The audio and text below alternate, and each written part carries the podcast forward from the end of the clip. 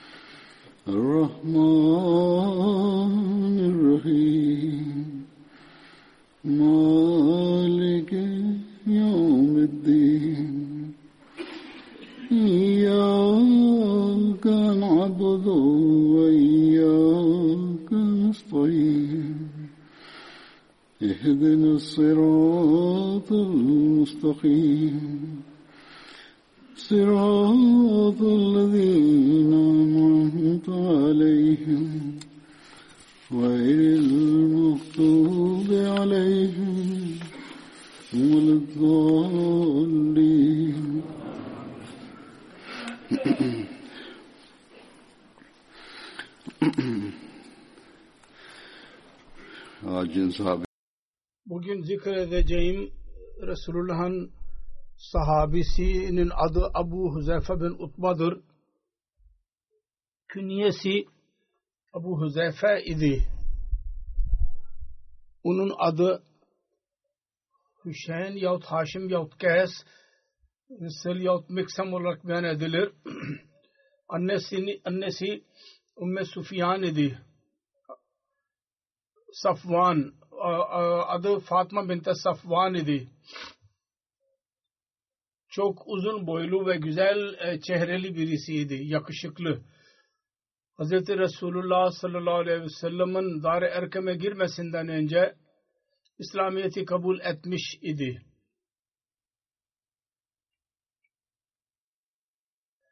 İlk iman edenlerden idi. Onun zikrini yaparken Hz. Mirza Beşir Ahmet radıyallahu anh şöyle yazmıştır. Abu Huzeyfe bin Utba idi. Banu Umayye'den idi.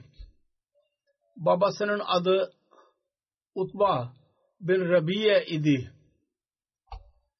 Kureyş'in liderlerinden idi. Abu Huzeyfe Yamama savaşında şehit düştü. Hz. Ebu Bakir'in zamanında Müselme keza bile olduydu bu savaş.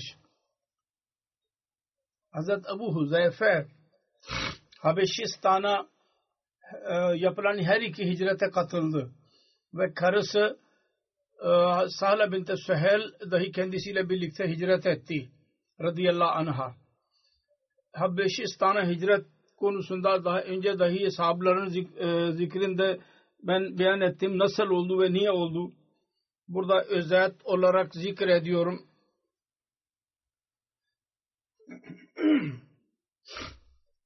değişik tarih kitaplarından hadislerinden Hazreti Mirza Beşir Ahmet radıyallahu anh o e, beyan etmiştir. Ben ondan özellikle olarak yahut aradan derlediğim bazı konulardan bahsedeceğim. E, diyor ki Müslümanların sıkıntısı sona erince son hadde varınca ve Müslümanlar eziyet konusunda daha da ilerleyince Hz. Resulullah sallallahu aleyhi ve sellem Müslümanlara buyurdu ki Habeşistan'a hicret edin. Buyurdu ki Habeşistan'ın kralı adaletli ve insafı seven birisidir. Onun hükümetinde hiç kimseye zulüm edilmez.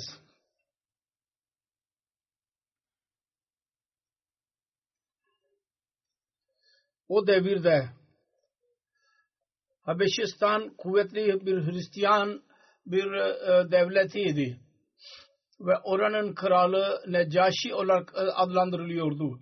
Habeşistan ile birlikte Arabistan'ın ticari ilişkileri vardı. O günün Necaşi'sinin adı hicret ettikleri zaman kralın asıl adı Ashama idi. Adaletli, uyanık ve kuvvetli bir kral idi o. Her neyse Müslümanların sıkıntısı sona erince son hadde varınca Resulullah sallallahu aleyhi ve sellem onlara buyurdu ki her kim mümkün ise elinden gelirse Habeşistan'a hicret etsin. Bunun üzerine Resulullah sallallahu aleyhi ve sellem'in buyurması üzerine Recep 5 e, Hicri senesinde e, Nebevi senesinde 11 erkek ve 4 kadın Habeşistan'a hicret ettiler. Onlardan maruf olanların e, adları şöyledir. Hazreti Osman bin Affan ve zevcesi Rukayye bint Resul sallallahu aleyhi ve sellem Abdurrahman bin Evf Zübeyir İbnül Avam Abu Huzeyfe bin Utba zikri geçiyor. Bu dahi o ilk gruptaydı. Osman bin Maz'un, Musab bin Umer, Abu Salma bin Abdul Musab ve zevcesi Umme Seleme. Hz. Mirza Beşir Ahmet radıyallahu yazmıştır. Çok tuhaftır. Bu ilk muhacirlerden çoklukla öyle insanlar idiler ki Kureyş'in kuvvetli kabilelerinden idiler onlar. Ve zayıf insanlar azdır bunlarda. Bunlardan iki şey anlaşılıyor. Birincisi şu ki kuvvetli kabileleriyle alakalı olanlar dahi Kureyş'in zulümünden kurulmuş değil idiler. İkincisi şu ki zayıf kimseler mesela köleler o devirde o kadar o kadar çaresizlik içindeydiler ki hicret e, gücüne dahi sahip değildiler. Bu muhacirler e, güneye doğru yolculuk yaparak Şuebe'ye gittiler. O zaman bir rihtim idi. Arabistan'ın öyle bir lütfet oldu ki onların bir ticari gemi vardı. Habeşistan'a yola çıkmak üzereydi, hazır idi. Bunlar ona bindiler. Habeşistan'a giderek Müslümanlar emniyet buldular ve Kureyş'in zulümlerinden korundular. Fakat bazı tarih yazarlarının yazdıkları gibi bu muhacirler daha fazla zaman geçmemişti oraya gideli ki bir e, e, haber geldi kendilerine bütün Kureyşliler Müslüman oldular ve Mekke'de emniyet var. Bu haberin neticesi şu oldu ki muhacirlerin çoğu düşünmeden geri döndüler. Bu e, şaya konusunda Hz. Mirza Beşir Ahmet radıyallahu anh aydınlatmıştır. Nasıl oldu ve niye oldu? Sebep neydi? Diyor ki yazıyor tarihlerden alarak derleyerek bu şaya temelsiz idi, yalan idi. Muhacirleri geri getirmek için idi ve sıkıntıya e, koymak belki meşhur edilmiş olacak e, Kureyş tarafından ve bu tamamen e, temelsizdir. Fakat eğer doğru kabul edilirse de belki onun altında bir olay vardır ki bazı hadislerde beyan edilmiştir. Bu Sahih Buhari'de de vardır o olay. Bir seferinde Hz. Resulullah sallallahu aleyhi ve sellem Kabe'de Necm suresinin ayetini okudu. Orada birçok liderler, kafirlerin liderleri mevcut idiler. Bazı Müslümanlar dahi vardı. Resulullah sallallahu aleyhi ve sellem sureyi bitirince secde etti. Necm suresini bitirdikten sonra ve kendisiyle birlikte bütün Müslümanlar ve kafirler dahi secde ettiler kafirlerin secdelerinin sebesi bir hadiste beyan edilmemiştir. Fakat anlaşılıyor ki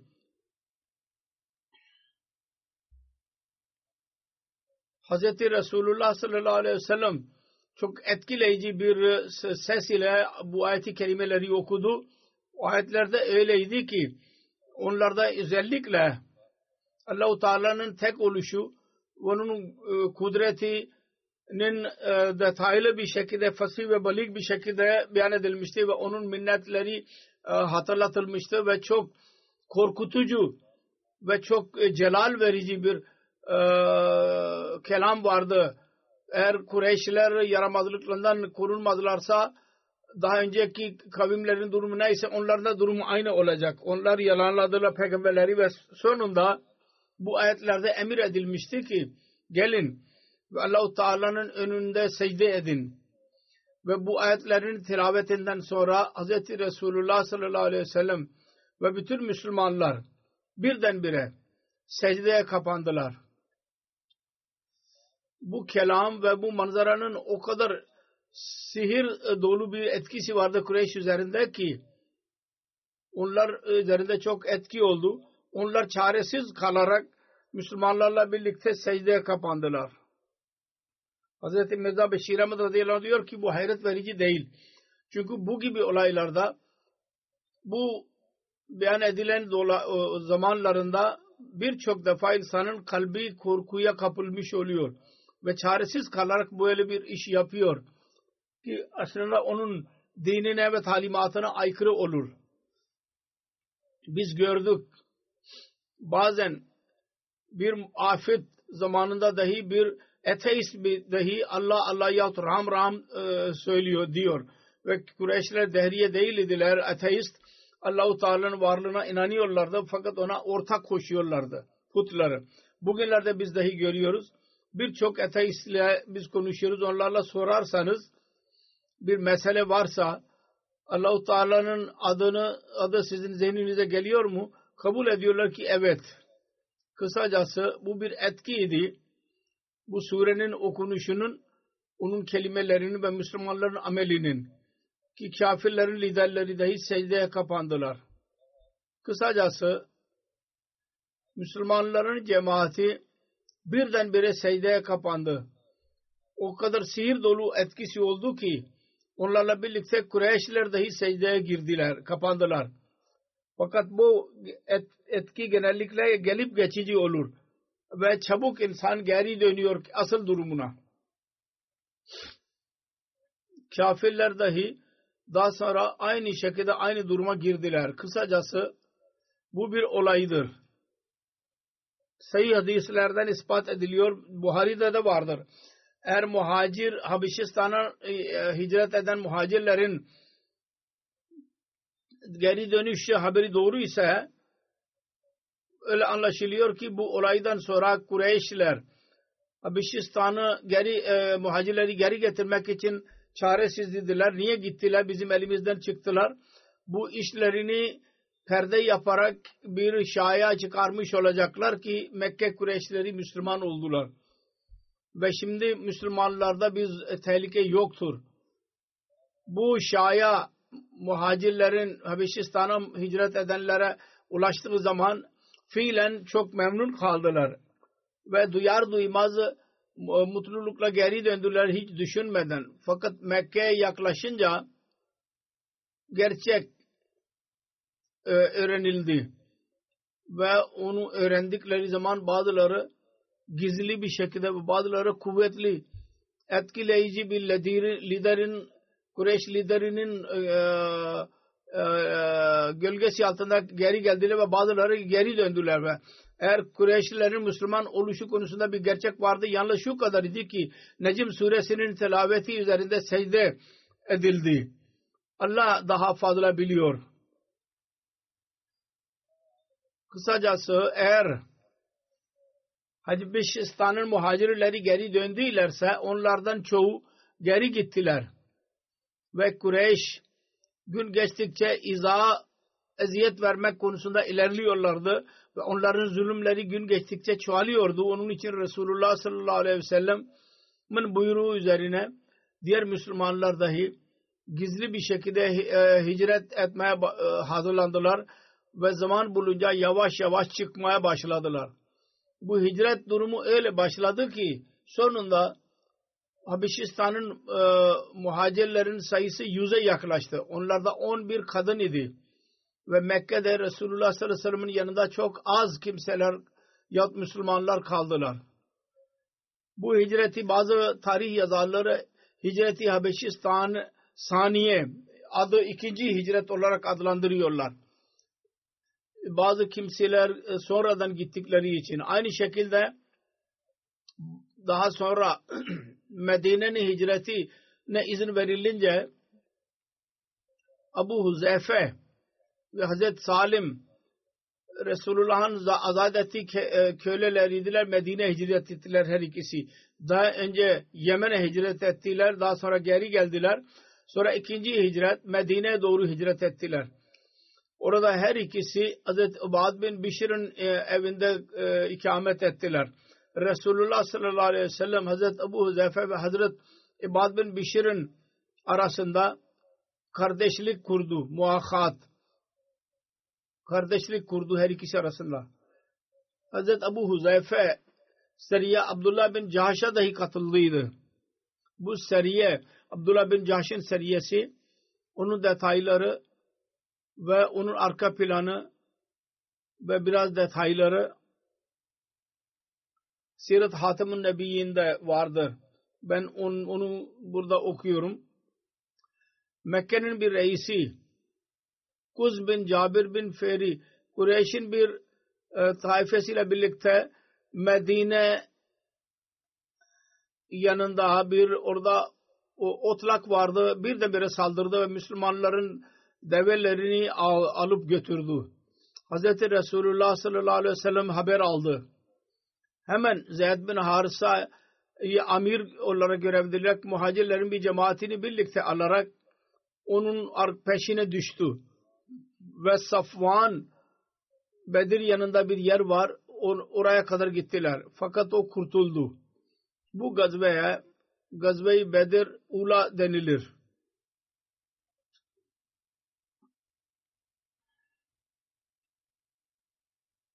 Sonra yazılıdır. İbn Cabir'in Kuz bin Cabir'in bu saldırısı Bedeviyanı bir çapulculuk değildi. Bir baddu Bedevi gelip saldırdı. Hırsızlık için yaptı. Hayır öyle değildi. Kesinlikle Kureyş tarafından Müslümanlar aleyhinde özel niyeti ile geldiydi. Ve mümkündür pek mümkündür ki onun niyeti Hz. Resulullah sallallahu aleyhi ve sellem'in zatına zarar vermek idi. Fakat Müslümanları uyanı görünce onların davelerini alarak kaçtı. Bundan şu dahi anlaşılıyor. Mekke Kureyşleri irade ettiydiler. Medine'ye mutlaka savaşarak Müslümanları berbat et, et, edecekler. Saldırarak.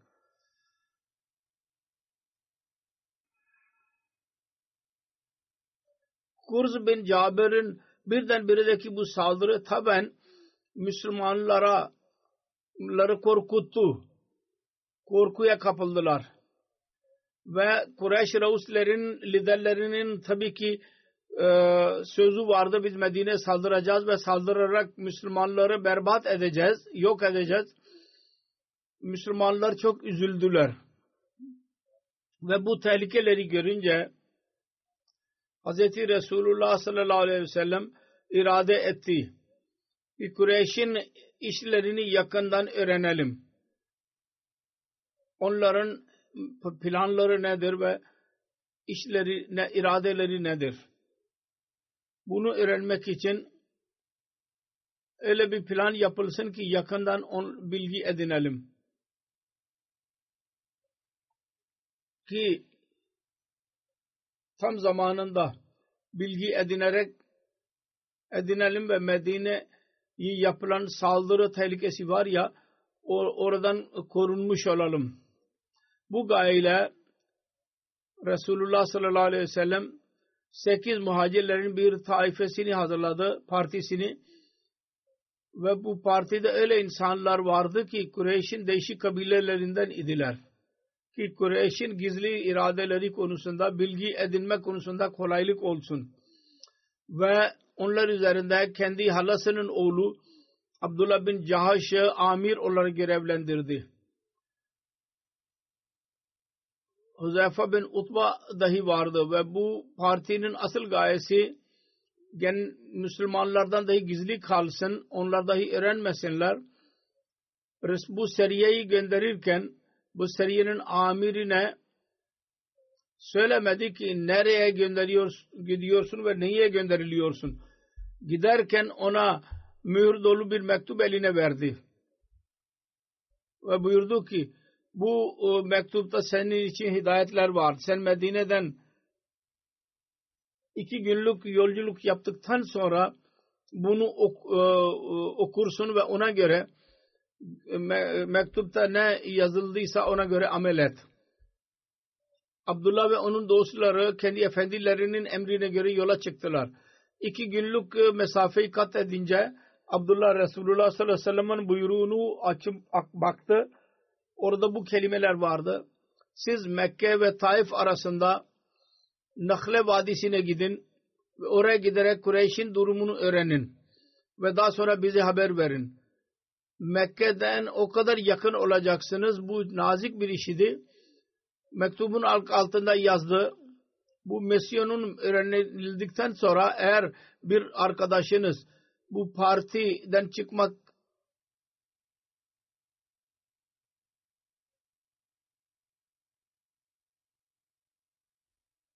çıkmak isterse yahut bir engel olursa geri gelmek isterse geri gelmesine izin vardır. Abdullah kendi hidayetini okudu dostlarına fakat hep birlikte e, e, bir tek söz e, gönüllü olarak bu hizmet için ileri sürdüler ve dediler ki biz hazırız. Ondan sonra bu cemaat Nahle'ye doğru gittiler. Yolda Sad bin Abi Vakas ve Utba bin Gazvan'ın develeri kayboldu. Onu ararken kendi arkadaşlarından ayrıldılar. Ve bütün aramalarına rağmen onu bulamadılar. Şimdi bu parti yalnız altı kişilik kaldı. Bu altı kişi e, misyonu için ileri gittiler. Yürüdüler. Müslümanların küçük bir taifesi Nakle'ye gitti ve orada iş, işe girdiler. Ve onlardan haber almak için kafirlerin e, Mekke kafirlerin iradeleri nedir? Medine'ye saldırma niyetleri var mı yahut onun planları nedir? Onlardan bazıları e, e, gizlilik için kendi e, e, saçlarını dahi kazıttılar. Ki o insanlar onlar umre için gelmiş olan insanları görerek şüphe etmesinler. Zannetsinler ki bunlar umre için gidiyorlar. E, saçlarını kazıttılar. Fakat daha oraya gideli fazla zaman geçmemişti ki birdenbire orada Kureyş'in küçük bir kafilesi geldi.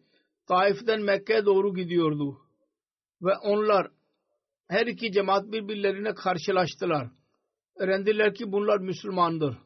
Onlar onlar için savaşmaya hazırlandılar. Karşılaştılar. Müslümanlar istişare ettiler. Şimdi ne yapmamız lazım? Çünkü Resulullah sallallahu aleyhi ve sellem gizli olarak bilgi edinmek için göndermişti. Fakat diğer taraftan Kureyş ile savaş başlamıştı. Şimdi her ikisi birbirlerinin önündeydiler. E, taban korku vardı ki şimdi Kureyş'in bu kafilesi Müslümanları görmüştür. Bu artık e, gizli kalmayacak. Ve bir zorluk şu vardı. Bazı Müslümanlar düşünüyorlardı. Belki bu Recep yani haramın son ayıdır. Haram olan ayların Arap'ın eski geleneğine göre savaş olmamalıydı o günlerde. Bazı kimseler düşünüyorlardı ki Recep bitti. Şimdi Şaban'a girdik. Bazı rivayetlerde vardır ki bu seriye Cemadiyül Ahir'de yapıldı. Ve şüphe vardı ki bu Cemadi günleri midir yahut Recep günleri midir? Fakat diğer taraftan Nakle'nin vadisi dahi en haremin ıı, bölgesi içindeydi o vadi dahi, vadi dahi haremdeydi. Ve zahir ki eğer bir karar verilmezse yarın bu kafile hareme girecekler. Onun hürmeti kesin olacak. Kısacası bütün bunları düşünerek altı Müslüman karar verdiler ki saldıralım yahut onları esir alalım yahut onları öldürelim. Allah-u Teala'nın adıyla saldırdılar. Bunun neticesinde kafirlerin bir erkeği adı Amr bin al-Hazrami idi öldürüldü. Ve iki kişi e, esir düştü. Fakat dördüncü kişi kaçtı. Ve Müslümanlar onu yakalayamadılar. Bu plan vardı ki onları yakalayalım yahut öldürelim. Başarıya ulaşamadı. Ondan sonra Müslümanlar kafilenin malzemesini elde ettiler ve Kureyş'in adamın birisi kurtulduydu ve kesin biliyorlardı ki Mekke'ye gidecek bu haber Abdullah bin Cahaş ve onun arkadaşları mal ganimet malı alarak Medine'ye doğru geri döndüler. Müsteşrikler dahi itiraz ederler. Bakın bu e, gönderildi e, mahsus bir şekilde. Her neyse gerçek şudur ki Resulullah sallallahu aleyhi ve sellem bunu öğrendiği zaman eshablar kafileye saldırdılar. Çok e, üzgün kaldı, öz, e, üzüldü. Bu cemaat Resulullah sallallahu aleyhi ve sellem'in huzuruna hazırlandı, girdiği zaman ve bütün macerayı anlattıkları zaman Resulullah çok öfkelendi ve dedi ki ben size şahri haramda savaş izni vermemiştim. Sonra kendisi ganimet malından malını alma, almayı da reddetti. Ben bundan bir şey almayacağım. Bunun üzerine Abdullah ve onun arkadaşları na, peşiman oldular.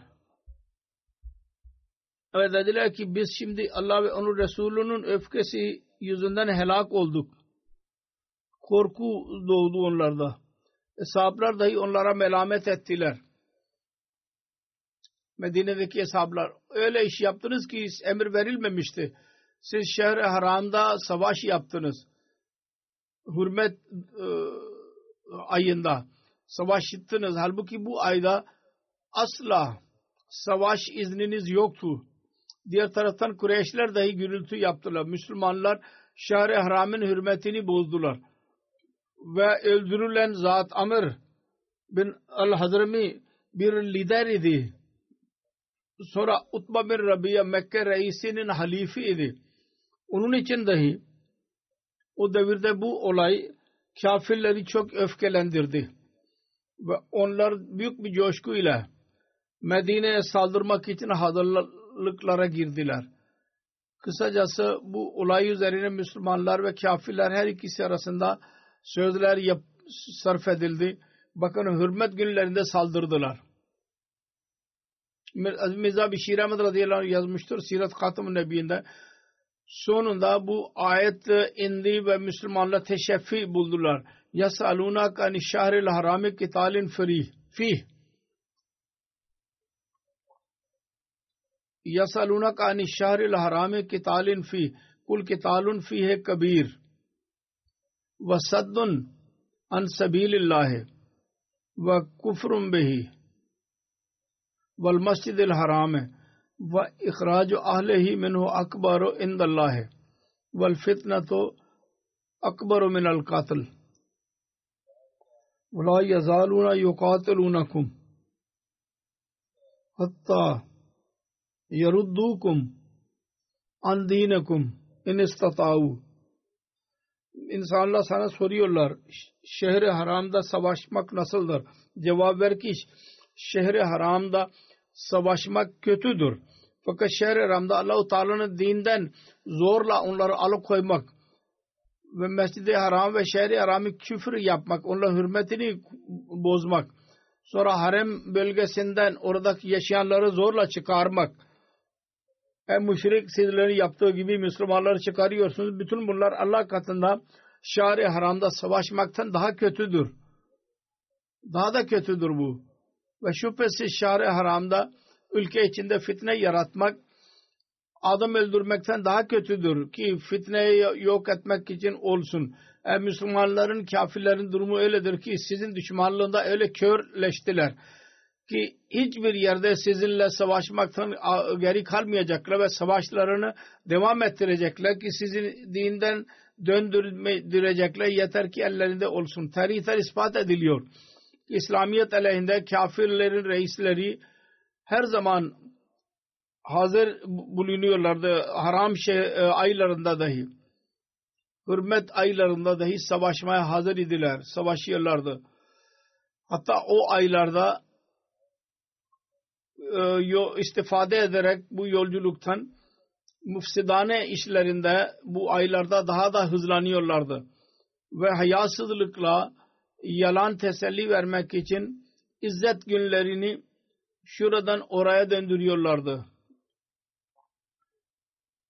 Ona Nasih olarak e, adlandırıyorlardı. Nasih.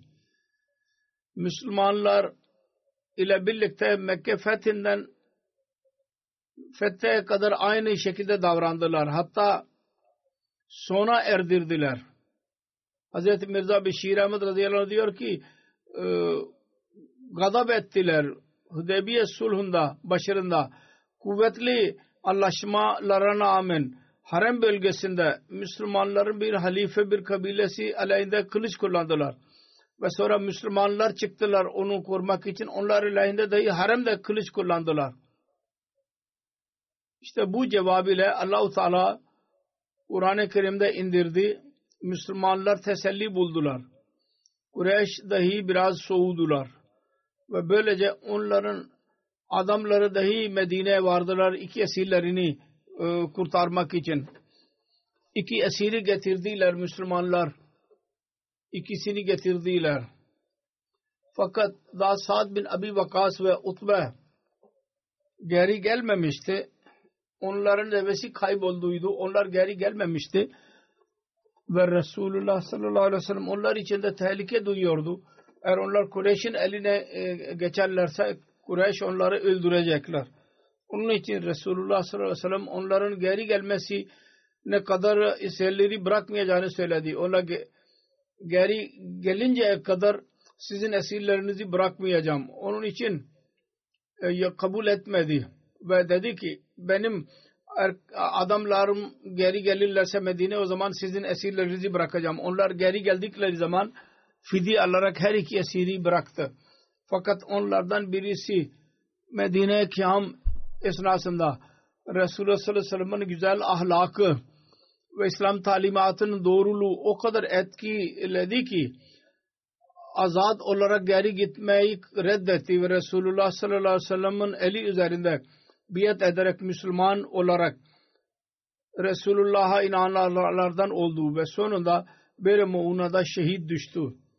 Adı Hakkım bin Kesan idi.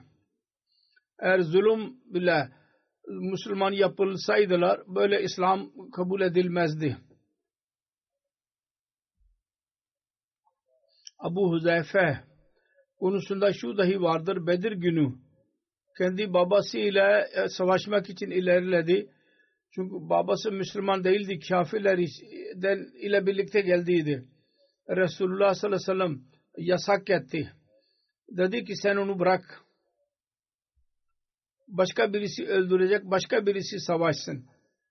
Babası, e, amcası ve yeğeni öldürüldüler. Hazreti Hüzeyfe sabır gösterdi. Ve Allah-u Teala'nın rızasına razı kalarak Allah-u Teala'nın bu yardımına şükür etti. Allah Resulullah sallallahu aleyhi ve sellem'in e, lehinde Allah-u Teala zafer gösterdi. Bu olay konusunda bir rivayet şöyledir. İbn Abbas rivayet eder ki Bedir e, savaşı günü Hz. Resulullah sallallahu aleyhi ve sellem buyurdu ki aranızdan her kim Abbas ile e, karşılaşırsa onu öldürmesin. Çünkü o esir alunu e, Abu Zefe dedi ki bu haber aldı birisi ona söyledi. Resulullah sallallahu aleyhi ve sellem'in yüzüne söylemedi.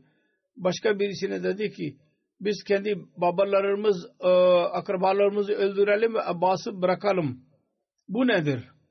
Allah adına yemin ederim ki ben mutlaka kılıç kullanacağım eğer benim önüme çıkarsa. Resulullah sallallahu aleyhi ve sellem'e bu haber ulaştı. Ona buyurdu ki ya Aba Hafız e Abu Hafs Resulullah sallallahu aleyhi ve sellem'in amcasının yüzüne kılıç kullanılacak. Hazreti Ömer beyan ediyor. Bu ilk olayıdır ki Resulullah sallallahu aleyhi ve sellem bana Abu Hafs kuniyesini verdi. Hazreti Ömer arz etti ya Resulallah bana izin verin ki ben kılıçla onun keçes, kellesini uçurayım. Ondan nifak vardır bunu söyleyenin. Hazret Abu Zeyfa diyordu ki Resulullah sallallahu aleyhi ve sellem dedi ki yok bu el olmayacak. Fakat Abu Zeyfa beyan ediyordu ki ben o gün ben söylediğim sözün şerri dedi ki ben kötü bir söz söyledim ben emniyet içinde kalamam. Öyle bir söz söyledim ki emniyet içinde olamam ve daima korku içinde kalacağım. İlla ki şehadet e, beni korusun. Ben İslamiyet uğruna şehit olayım. O zaman anlayacağım ki onun şerrinden ben korundum. Söylediğim sözün şerrinden. Ravi rivayet eder. Yamama günü şehadet buldu. Coşkusundan ağzından bir şey çıktı. Daha sonra korku duydu. Ve bütün hayatı boyunca o korku kaldı. Sonunda şehit düştü. Hz. Ayşe radıyallahu anha'dan rivayet edilir. Resulullah sallallahu aleyhi ve sellem müşriklerin öldürülen adamları konusunda bir kuyuya atmayı emretti. Bir çukura ve oraya atıldılar ve Resulullah sallallahu aleyhi ve sellem onların yanında e, durarak dedi ki ey kuyudaki insanlar siz bu sözü doğru buldunuz mu? Allah-u Teala size söz verdiydi onu doğru buldunuz mu? Yani putlar. Ben kesin buldum. Benim Rabbim bana söylediydi. Allah'tan murad edilirse e, siz ceza göreceksiniz demek oluyordu. Resulullah dedi ki ben bunun doğru gördüm bana söz verdiydi. Siz de doğru buldunuz mu? Putların size söylediği şey. Ben üstün çıkacağım ve siz üstün çıkamazsınız dediydi allah Teala bana. Bunun üzerine eshablar arz ettiler. Ey Allah'ın Resulü ölmüş olanlarla mı muhatapsınız? Dedi ki evet bunlar kesin biliyorlar ki sizin Rabbiniz size verdiği söz doğruydu. Resulullah sallallahu aleyhi ve sellem'in buyruğuna göre kuyuya atıldılar. Hazret Abu Zeyfer'in çehresinden e, tiksinme oldu çünkü babası dahi oraya atılıyordu. Resulullah ona dedi ki ey Abu Huzeyfe Allah adına yemin ediyorum ki sen ki babana karşılan bu davranışı sevmiyorsun.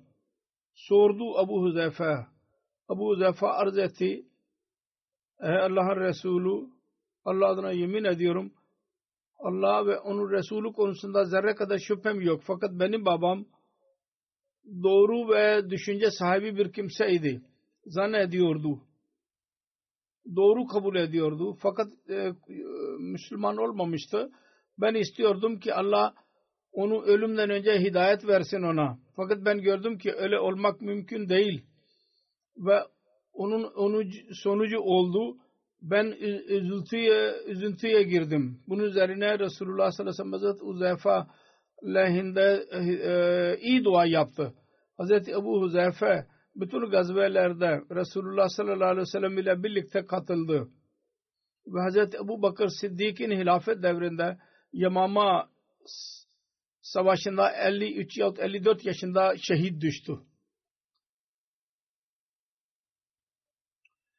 Şimdi ben bir zikir yapacağım. Bizim cemaatin eski bir hizmetçisi vardı. Geçen günlerde vefat etti. Profesör Saud Ahmet Dehlevi'den bahsedeceğim. 21 Ocak günü vefat etti. İnna lillahi ve inna ilahi raciun. Babasının adı Hz. Muhammed Hasan Asan Dehlevi Mesih Muhammed Aleyhisselatü Vesselam'ın eshablarından idi. Aynı şekilde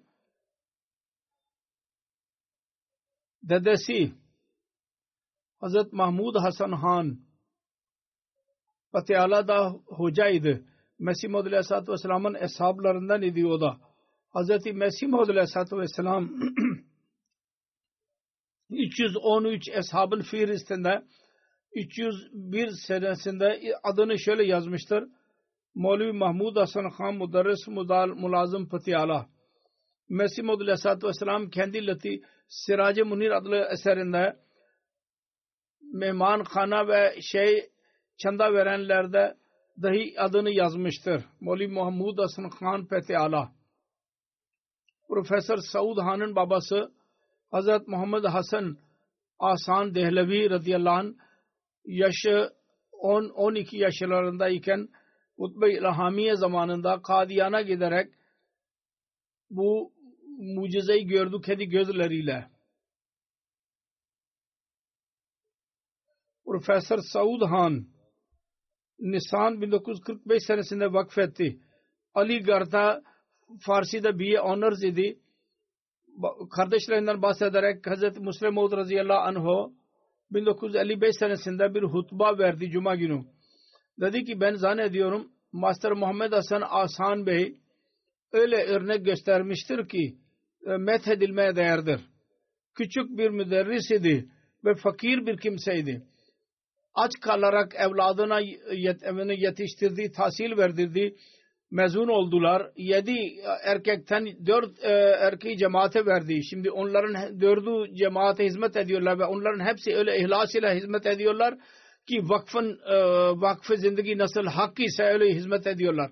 Eğer bunlar vakıf olmasaydılar yedisi belki 10 20 sene kadar babaların adını üstün tutarlardı. Babamız iyiydi diyorlardı. Fakat benim bu hutbem Müslüman diyor ki benim hutbem e, yayılınca yüz binlerce Ahmedi Muhammed Hasan Asan'ın ismini anarak met edecekler ve diyecekler ki ne kadar himmet dolu bir zat idi. Fakir olmasına rağmen yedi erkeğine üstün tahsil gördürdü ve dördünü cemaate verdi, vakf yaptı.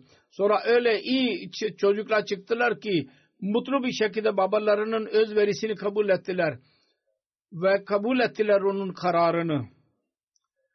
Haziran 1945'den 46'dan başlayarak ek, e, Kasım e, 1949'a kadar Kadiyan'da tahsil gördürdü. Sonra Cami Ahmediye'de dahi belli bir müddet İngiliz hocası dahi olarak görev yaptı. Hazreti Halife e, Sani radıyallahu anh, ikinci halife kendisini 1949 senesinde Gana'ya Batı Afrika'ya gönderdi hizmet için. Kendisi Ahmediye'da e, müdür yardımcısıydı Gana'da. E, Karachi'den yola çıktı ve 30 Haziran günü Kumasi'ye ulaştı. Yani Mayıs ve Haziran iki ayda oraya ulaştı. Şimdi bir insan 5-6'da ulaşıyor ve orada tahsil vermeye başladı. Yolculuk niye o kadar uzun sürdü konusunda onun İrfan Han şöyle yazmıştır. İlk e, Rabvatan Gana'ya çıkması e, çıktı ve 3 aylık 2 ay oluyor. E, yolculuktan sonra Kumasi'ye ulaştı. O zaman gemi ile yolculuk yapılıyordu. Uçakla değil gemi ile. Karachi'den Aden için yola çıktı. 160 e, ile yemek e, dışında bilet aldı. Aden'den e, otobüslerle, uçakla ve Nijerya kadar yolculuk yaptı. Nijerya'nın uçağının 55 fund sterlin bilet vardı. Kendi e, malzemelerini dahi sattı. Ve kişisel eşyayı bir ça çarşafa koyarak götürdü. Sonra Nijerya misyonu Gana'daki merkeze kadar e, bilet aldılar. Merkez. 1955 50 senesinde daha sonra otobüs ile gitti Nijerya'dan Gana'ya. Batı ve Doğu Afrika ve Hollanda için 8 muballiklerin gönderilişi konusunda Tarih Ahmediyesi'nde adı e, Firist başındadır ve yazılıdır. Birinci senesinde Saud Ahmed Han Lahor'dan çıkışı 25 1300 Hazreti Müslim Maud'un buyruğu üzerine 1958 senesinde Pakistan'a geri döndü. Ve Punjab Üniversitesi'nde tarih konusunda master yaptı. Bu arada babası daha sonra yaptı. Babası Hazreti Muhammed Hasan Asan 1955 senesinde Ağustos'ta vefat etti. Daha Gana'dayken babası vefat etti. 1961 senesinde Gana'ya tekrar görevlendirildi. 1968 senesine kadar da dine cemaatine hizmet etti. üçüncü halife rahimahullah'ın e, izniyle Mesih Mübarek Rabbat'a bir telkini amel meclisi vardı. Onun görevi altında her gün bir konuşma olurdu. Bu programın başlangıcı 7 e, Temmuz'da yapıldı. Ve çok enteresan idi. Ve bilgisel bir konuşma olurdu bu mecliste. Ulemaların konuşmaları olurdu. Onlar kendisi dahi vardı onlar arasında. Jalsa salana konusunda konuşmaların tercümesi nizamı kurulunca 3. halifenin konuşmalarının İngilizce tercüme yapması kendisine nasip oldu. Rabbah'ın son celsasına kadar görevini yaptı. Profesör Saud Han Dehlevi'nin öğrencileri arasında Abdülvahab Adam Gana ve B.K. Ado dahi vardı. Burada kaldı. Bun, o, ortak idiler. 1968 senesinde Pakistan'a geri dönüşü zamanında 3. Halife Remahullah Profesör Saud Ahmed Han Delvi'ye Talimul İslam College'de 1969 senesinde e, tahsil verme görevini verdi. 4. Halif Rahimahullah Profesör Saud Han'ı Cami Ahmediye'de bir sene için İngiliz hocası olarak görevlendirdi. Camia Ahmediye görevlendirildiği zaman Talimul İslam e, profes, data, profesör izi o zaman 2 Mart 1987 senesinde Cami Ahmediye'ye girdi ve bir seneye kadar burada görev yaptı. Profesör Saud Han Dehlevi hakkında büyük kardeşi Masud Han Dehlevi müdür idi Al Fazıl gazetesinin vefat edince diyordu ki bizim kardeşimiz Saud Ahmed e, yürü, yürüyen e, kütüphanedir. Bilgi, bilgili bir kimseydi. Kızı Raşide Hanım yazıyor. Babam çok halim, çok alçak gönüllü, çok büyük bilgili bir zat idi. İbadet, teheccüdü hiç kaçırmayan, e, misafirperver, mutavazi bir kimseydi yazdığı doğrudur. Aynen böyleydi. Nefis Ahmet Adik murabbidir onun yani diyor ki alçak gönüllü, muttaki, Allah'a güvenen, sade, iyi bir insan idi. Vefa ve din hizmeti hissi bütün in, vakfe zindagi için bir örnek idi. Ben bir defa bana dedi ki elbise ve diğer işlerini ihtiyaca göre kullanmamız lazım. Külfet ve moda için kullanmamalı. Bize o yakışmaz vakfın zindagi. Haya çok su hayatında. Saud Ham'ın öğrencisi Ayke Yasi yaz, yazıyor. Ganiyan'dır. Saud Bey 1955-55 senesinde Kumasi'de ilk e, müdür yardımcısı idi. Ve Doktor S.B. Ahmed ilk müdürüydü ve Saud ve İngilizce İngilizce tarihi ve Avrupa tarihin büyük bilgili zatı idi.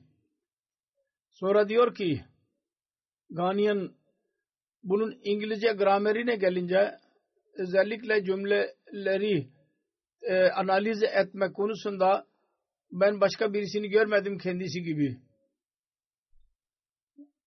Diyor ki dili e, iyi yapmak için çok rolü vardı benim dilimin iyiliği konusunda. Başar Ayaz Principal Cami Ahmediye Rabbada'dır, müdürdür. E, Profesör e, Saud Han alçak gönüllü bir hizmetçi idi. Cami Ahmediye tahsil gördük. Biz de öğrenciydik ve caminin son yılına kadar daima sınıfa gelirdi ve sınıf bitirince kadar son dakika kadar tahsil e, ders verirdi. Çaba çocuklar istiyorlardı ki sağa sola götürsünler ve okumayalım. Fakat mutlaka sert bir şekilde güzel bir şekilde e, atlatırdı ve dersine devam ederdi. Diyor ki ben bir şey not ettim. Kalbinde vakfı e, zindagi çocuklar için ders onur vardı. Birisini uyarmak isterse de onun izzeti nefsini hiç unutmazdı. Diyor ki MTN'in ilk günlerinde değişik programlar kayda geçirildi.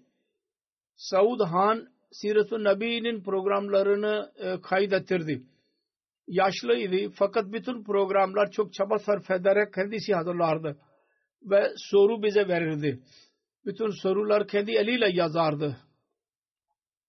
Bazen ortam bazen kötü olurdu, tartışıyorduk, böyle yapalım, böyle mi yapalım. Fakat o kadar halim ve aciz bir kimseydi ki hiç öfkelenmezdi. Sanki kulağına bir e, acı bir söz girmemiştir. Gülümseyerek kolay bir şekilde nereden başlamış, e, durmuş da oradan tekrar kayda geçerdik. Profesör Saud Han'ın vefatından sonra onun kom komşusu Fazıl İlahi Malik ağlayarak bana de, dedi ki öyle komşu her insana nasip olmaz. Çok sade, mizaçlı ve alim, bilgili bir zat idi. Onun bıraktığı e, bir kız ve iki erkekdir. Bir e, oğlu Saad Saud İngiltere'de bir cemaatin sadrıdır. Hizmet yapmaktadır ve Allah-u Teala derecelerini yükselsin. Gerçekten onun konusunda yazılı daha önce de beyan ettiğim gibi onun iyilikleri daha fazlaydı. Hilafeti çok sever. Bir zat idi. Olağanüstü bir seviyedeydi allah Teala onun evladına dahi hilafete bağlı tutsun daima ve derecelerini yükseltmeye devam etsin. Namazdan sonra ben onun gayb cenaze namazını kıldıracağım inşallah.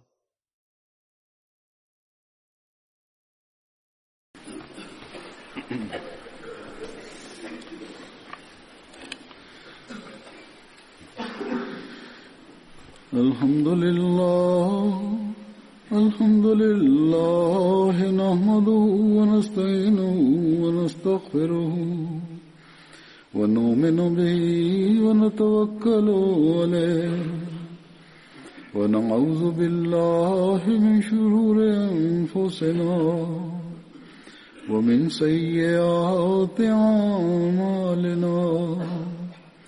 من يهده الله فلا مضل له ومن يضلل فلا هادي له. ونشهد أن لا إله إلا الله.